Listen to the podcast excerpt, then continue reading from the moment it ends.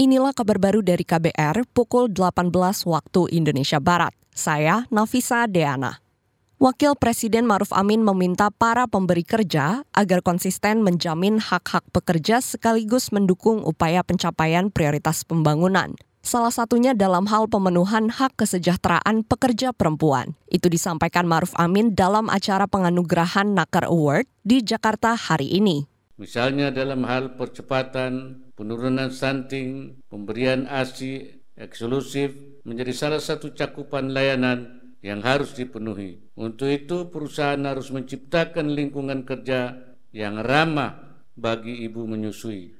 Wakil Presiden Maruf Amin juga meminta perusahaan memberi kesempatan bagi ibu bekerja agar tetap bisa memastikan anak balitanya terpantau tumbuh kembangnya di posyandu atau pelayanan kesehatan lainnya. Selain itu, tanggung jawab sosial perusahaan atau CSR juga dapat diarahkan antara lain untuk mendukung percepatan penghapusan kemiskinan ekstrim melalui pemberdayaan masyarakat.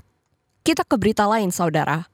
Badan Pusat Statistik BPS mencatat selama November 2023, harga gabah kering di tingkat petani maupun di tingkat penggilingan turun dibanding bulan sebelumnya. Namun, harga beras di tingkat grosir dan pengecer justru naik. Deputi Bidang Neraca dan Analisis Statistik BPS Moh Edi Mahmud mengatakan, penurunan harga gabah mencapai 1,94 persen untuk gabah kering petani dan 1,45 persen untuk gabah kering giling.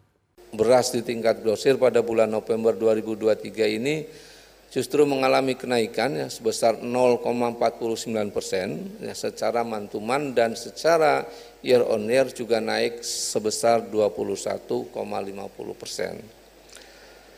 Nah, kemudian di tingkat eh, pengecer ya, pada bulan November ini juga mengalami kenaikan yang 0,43 persen secara mantuman dan sebesar 19,20 persen secara yen on year. Jadi secara garis besar Deputi Bidang Neraca dan Analisis Statistik BPS Moh Edi Mahmud menyebut, kenaikan harga beras masih menjadi komoditas penyumbang inflasi tahunan atau year on year. Pada November, inflasi tahunan sebesar 2,86 persen, di mana beras memiliki andil sebesar 0,58 persen. Diikuti cabai merah, rokok kretek filter, cabai rawit, daging ayam, dan bawang putih.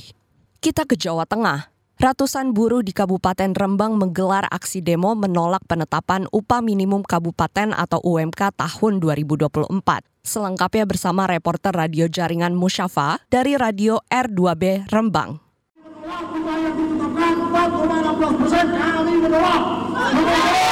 250-an buruh di Kabupaten Rembang, Jawa Tengah menggelar aksi demo di depan kantor Bupati hari Jumat 1 Desember 2023. Daliadi, salah satu korlap demo dari SPN, menyatakan pihaknya menolak upah minimum kabupaten atau UMK tahun 2024 sebesar Rp2.099.689 atau hanya naik 83 ribuan.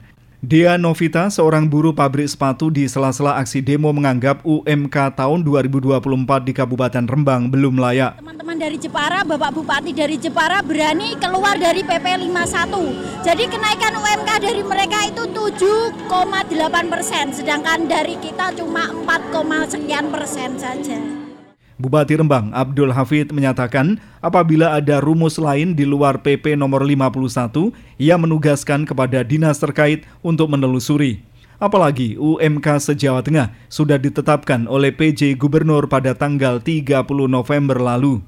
Maka saya akan melacak dari Jepara dan Semarang karena usulan dari dua kabupaten yang tidak sesuai dengan peraturan pemerintah ini pun juga diterima oleh Pak Gubernur.